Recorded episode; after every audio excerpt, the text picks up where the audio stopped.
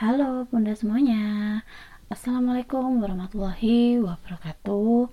Kembali lagi bersama saya Bunda Mel yang akan mengisi Speak Up minggu ini. Selamat datang di Speak Up.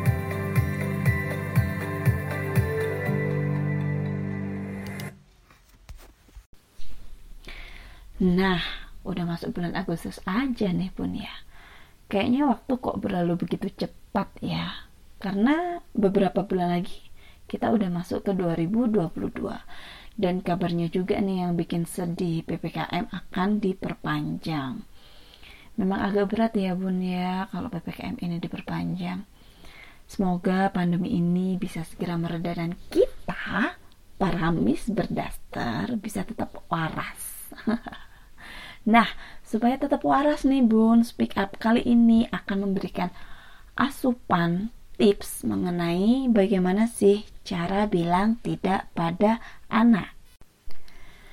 Karena kondisi pandemi kayak gini nih bun, kita diwajibkan untuk tetap di rumah aja melakukan segala aktivitasnya itu di rumah. Entah itu belajar, sekolah, olahraga atau bekerja itu di rumah. Dan akhirnya itu akan menambah tingkat kejenuhan kita.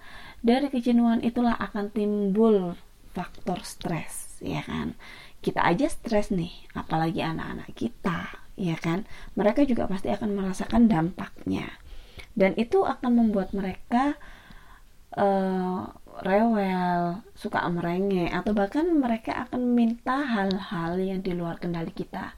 Contohnya kalau mereka udah jenuh di dalam rumah aja, pasti mereka akan minta jalan-jalan di luar. Sedangkan jalan-jalan di luar pasti bikin kita parno. Karena masih banyak banget virus yang bertebaran di luar sana. Ya kan bun ya? Nah permintaan anak ini itu tidak harus selalu kita turutin bun. Ada kalanya permintaan anak harus kita tolak. Tapi penolakan yang kita ucapkan ini kadangkala tidak dimengerti sama anak sendiri. Bahkan kadang itu cenderung diabaikan. Ya enggak? Bener kan diabaikan? Nah, sakit nggak sih bun diabaikan sama anak sendiri? Hmm, rasanya kayak kalau kita udah ngomong panjang kali lebar kali tinggi sama mereka itu nggak dihiraukan itu ya ampun rasanya pengen marah tapi hmm sabar sabar supaya tetap waras Nah, misalnya aja nih bun ya, kalau anak kita nih lagi mainan tanah di halaman rumah. Nah, otomatis kan kita pasti bilang, adek jangan mainan tanah. Udah pakai kata jangan, pakai nada tinggi, emosi lagi, ya kan? Pasti deh bun, saya yakin 100% itu tanah ah, pasti akan diratain ke seluruh badan dia. Padahal posisi dia itu biasanya udah mandi. Pasti sering kan pun kejadian kayak gitu. Udah udah kayak gitu ditambahin dia posisi lagi pakai baju putih. Tuh udah kompleks nih masalahnya. Mau marah salah nggak marah juga salah iya kan? Emosi ya iya. Nah kata tidak atau jangan yang terlalu sering diucapkan ini juga memiliki dampak buruk nih bun sama si anak sendiri. Dia akan merasa ruang geraknya ini uh, terlalu dibatasi. Jadi dia akan berpikir main ini salah main itu salah ke sini salah ke situ salah ya enggak dan uh, karena perasaan dia yang seperti itu itu akan menimbulkan rasa tidak percaya diri pada anak untuk mencoba hal-hal baru nih bun. Bahkan ada sebuah penelitian yang menyatakan bahwa kata larangan yang terlalu banyak ini akan mempengaruhi sikapnya dia di kemudian hari. Jadi waktu dia dewasa it, uh, akan membentuk kepribadiannya dia ketika dia sudah dewasa. Maksudnya seperti itu. Nah kata-kata yang negatif ini yang terlalu sering dia terima ini juga akan mempengaruhi terhadap kemampuan bahasa si anak sendiri pun.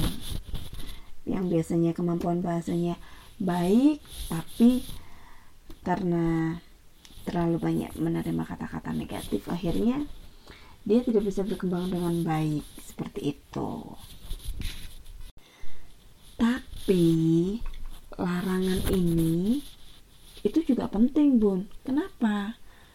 Supaya si anak sendiri juga bisa belajar uh, mana hal-hal yang baik dan mana hal-hal yang buruk yang bisa dilakukan sama dia. Dan dia juga akan belajar tentang kedisiplinan. Toh repot kan? Dilarang salah nggak dilarang juga salah. Nah harusnya gimana dong? Jadi kita sebagai orang tua memang harus belajar cara melarang anak dengan bijak nih bun. Nah kita simak nih ada beberapa tips bagaimana caranya supaya kita bisa melarang anak dengan bijak. Tips yang pertama nih bun. Berikan pemahaman pada anak. Nah kita ambil contoh saat uh, posisi anak makan nih misal dia sedang belajar makan sendiri. Nah dia pasti akan uh, sedikit memainkan makanannya. Bahkan dia bisa membuang-buang makanannya dia ya kan? Kadang kita suka keceplosan nih bun. Eh jangan dibuang-buang makanannya. Ya enggak. Nah sama sebenarnya. Saya sih saya sendiri sih kadang juga masih sering hilaf seperti itu. Nah daripada kita membuang-buang energi dengan berteriak-teriak seperti itu mendingan kita kasih pemahaman nih bun sama si anak bahwa makanan itu tidak boleh dibuang-buang dengan kata-kata seperti ini nih misalnya nih dek makanan itu dimasukkan ke mulut dan ditelan ya bukan untuk dimak bukan untuk dimainkan. Nah kayak gitu pun. Dan sesekali juga kita harus beri pujian pada si anak sendiri ketika dia bisa melakukan hal-hal baik seperti contohnya dia bisa menghabiskan susunya sendiri atau bahkan dia bisa menghabiskan makanannya sendiri dengan uh, maksudnya tanpa bantuan kita seperti itu. Supaya seimbang nih bun ya. Tips yang kedua ganti kata larangan dengan kalimat yang positif. Misalnya nih pas anak kita lagi asik coret-coret tembok uh dia uh, udah kayak seniman aja ya. Bisa melukis sana sini mulai dari ruang tamu sampai ruang makan. Bahkan sampai kamar itu penuh dengan warna-warni coretannya dia. Jangan buru-buru hilaf nih bun seperti yang sudah-sudah. Coba tarik nafas dulu dalam-dalam dan atur kata-kata dulu supaya yang kita keluarkan ini enak nih.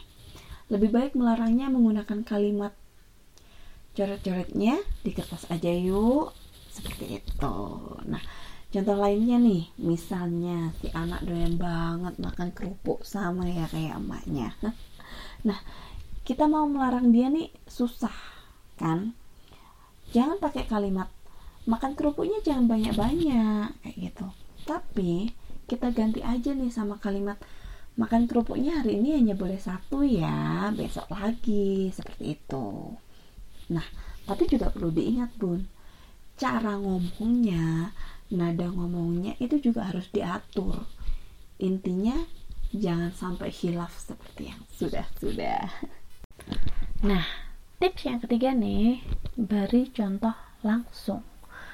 Mendisiplinkan anak dengan memberikan contoh langsung nih bun Itu adalah merupakan cara yang lebih efektif bun Ketimbang kita hanya melarangnya aja Misalnya nih anak kita lagi berebut mainan atau merebut mainan temannya. Nah, kita kasih pemahaman ke anak bahwa merebut mainan itu merupakan hal yang tidak baik. Bisa juga dengan kalimat tidak boleh merebut mainan anak lain ya. Kalau memang mau pinjam, kita harus bilang pinjam. Begitu. Tapi juga sambil memberikan contoh bagaimana cara meminjam yang benar itu seperti apa supaya dia tahu nih bun realnya oh seperti ini loh caranya seperti itu dan dia akan meniru bagaimana cara kita untuk melakukan hal-hal yang baik ini. Dan juga jangan lupa ajarin anak untuk mengembalikan barang atau mainan yang sudah dipinjamnya kepada pemiliknya. Ini juga salah satu cara untuk mengajarkan dia uh, bersifat tanggung jawab ya pun ya. Tips yang keempat nih bun, ajari anak kita untuk bertanggung jawab. Nah, misalnya aja nih, ketika dia membuat berantakan seisi rumah dari ruang tamu sampai dapur nih rata mainan dia semua. Ya kan pasti bikin mama stres. Ya enggak 5 menit diberesin udah digelar lagi itu mainan.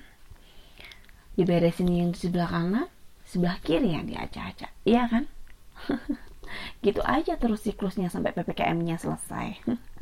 Nah tapi dengan sikap anak yang seperti ini, ini ini bisa jadi peluang buat kita untuk mengajari si anak rasa tanggung jawab. Bisa disiasati dengan memberinya dia box mainan dan uh, si anak kita ajak untuk membereskan mainannya, memunguti mainannya satu persatu. Dengan cara ini kita bisa melatih dia uh, rasa tanggung jawab sama seperti yang uh, mengembalikan mainan tadi ya pun ya. Karena rasa tang uh, rasa tanggung jawab ini pun juga penting bun. Tips yang terakhir nih bun. Tips kelima. Boleh berkata tidak tapi hanya di saat-saat tertentu atau di saat-saat terdesak. Nah kata tidak ini boleh diucapkan nih bun. Asalkan dengan nada yang tidak emosi ya bun ya. Namun harus tetap tegas diingat-ingat tidak boleh hilaf seperti yang sudah-sudah.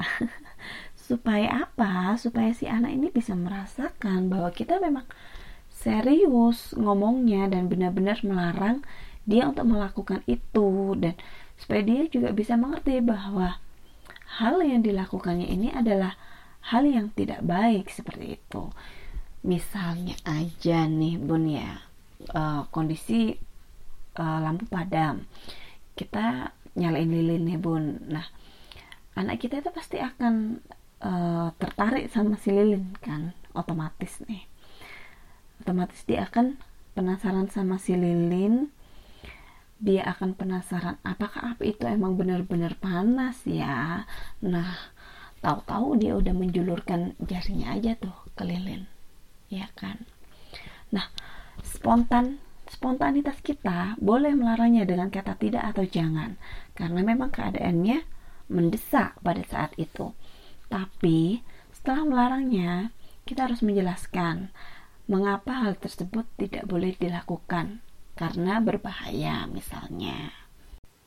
Nah itu tadi 5 tips bagaimana cara berkata tidak pada anak. Yang benar nih bun. Gimana? Udah kebuka enggak ya? Apakah selama ini saya terlalu sering uh, melarang anak? Atau bahkan cenderung memberikan dia kalimat-kalimat negatif? Atau sudah berapa banyak kata jangan yang sudah uh, yang saya keluarkan hari ini? Nah ada beberapa tips uh, tips tambahan nih bun untuk pergantian kata jangan atau tidak dengan kalimat positif. Yang pertama, uh, ketika kita ingin melarang dia makan es krim, jangan pakai kata jangan makan es krim. Nah, bisa kita ganti nih uh, dengan kalimat Mama tahu kok kamu suka es krim, tapi makan terlalu banyak es krim akan membuat sakit perut makannya besok lagi ya kayak gitu. Nah ketika yang kedua nih bun ketika dia uh, suka mencabut daun-daun di tanaman. Nih kita jangan bilang ke dia jangan mencabut daun-daun itu tapi bisa diganti dengan kata-kata mereka ini juga makhluk hidup loh. Jadi, kalau kamu mencabut daunnya, mereka juga pasti akan merasa kesakitan. Nah, pasti si anak akan berpikir dan akan mengerti kalau kita ngomongnya dengan cara seperti itu. Yang ketiga, ketika anak rewel nih, udah tantrum, nangis segala macam. Hindari kata jangan menangis. apalagi bilang jangan menangisnya dengan emosi ya kan. Tapi coba ganti dengan kata-kata gini. Mama uh, mama tidak mengerti apa yang kamu katakan kalau kamu merengek seperti ini. Coba bicara pelan-pelan ya, supaya mama bisa dengar kamu berbicara apa. Seperti itu. Dan keempat, ganti kata uh, ganti kata tidak dan jangan dengan kata sifat atau kata kerja yang kuat seperti kata berhenti atau bahaya. Itu untuk yang tadi ya bun ya. Untuk yang uh, pada saat keadaan mendesak ya. Bisa kita ganti dengan kata kerja yang kuat seperti itu. Ketika dia lari-lari ke sana kemari tak terkendali kita bisa bilang berhenti. Atau ketika dia mulai bermain api seperti tadi yang di lilin itu kita bisa uh, bilang ke dia bahaya seperti itu. Nah gimana? Apakah sudah siap bunda-bunda semua mengganti kata-kata kalimat positif lainnya? Dan seberapa banyak udah seberapa banyak kalimat negatif yang keluar dari mulut kita selama ini? Nah ini perlu diperbaiki bun sepertinya supaya kita bisa uh, memberikan yang terbaik sama anak. Ya kan? Oke. Okay uh, kita harus mulai ubah kebiasaan-kebiasaan yang tidak baik ini menjadi kebiasaan baik. Ya, oke okay, kalau begitu uh, sepertinya sudah selesai saya memberikan tips dan caranya bagaimana berkata tidak kepada anak. Kalau gitu, saya mohon izin undur diri dulu ya bun ya. Stay safe and healthy dan kita bertemu lagi dua minggu lagi. Bye bye